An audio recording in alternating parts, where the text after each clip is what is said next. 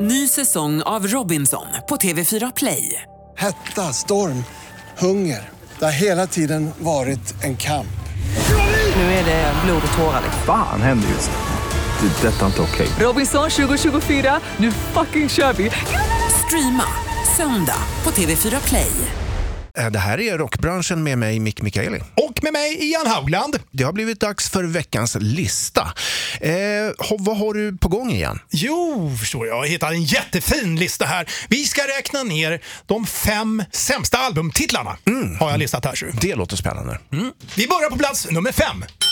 Elton John, som i mitten på 70-talet släpper det fantastiska albumet med titeln Captain Fantastic and the Brown Dirt Cowboy. Och med tanke på vad han har för preferenser i sänghalmen va, så tycker jag att det är jävligt eh, intressant. Ja, okej. jag, jag förstår vart du vill komma. Eh, Ja. Vi går raskt vidare tycker jag till punkt nummer fyra. Va? Ja, Okej, på plats nummer fyra.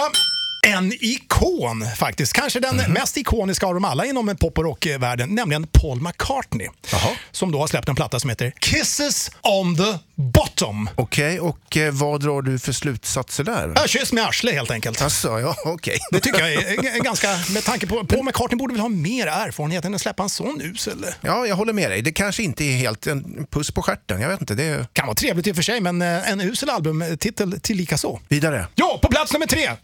Där har vi George Clinton. Ah, Funkadelic och, och Parliament. Och... Och han har då släppt en platta som heter Hey man, smell my finger. Det är fantastiskt. Tänk, man ser honom, han glider in på puben och, och träffar sina polare och så bara Hey man, smell my finger! Han undrar Ja. vart han har varit med det där fingret då innan han eh, bjuder ut det till. Ja, det, det, är lite, f- det det är lite bra titel för att det sätter igång fantasin. ja, lite äckligt och eh, uselt.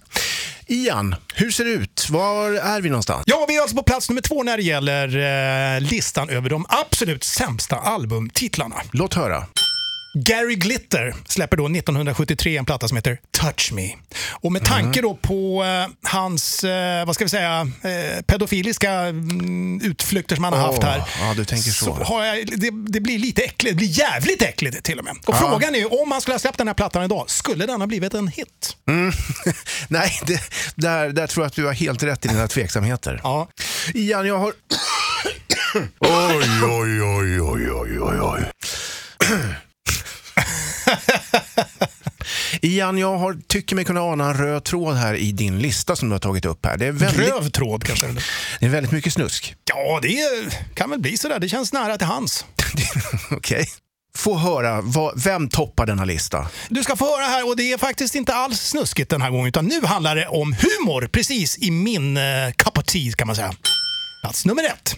REO Speedwagon, Mhm. AOR-bandet från eh, ja, 80-talet framförallt då, släpper då en platta som heter, lyssna här, You can tune a piano but you can't tune a fish. You can tune a piano but but you can't tune a fish. Ja, det- jag tycker det är st- det, storstilat. är, v- det är väldigt göteborgskt alltså. Ja, det är det precis. Eh, Det är, det- det, är, det är lite fyndigt, men det är inte så bra som man ska döpa en hel platta till det. Det är så jävla dåligt så att det är världsbäst tycker jag. Därför hamnar han på plats nummer ett enligt min Okej. lista här. Så.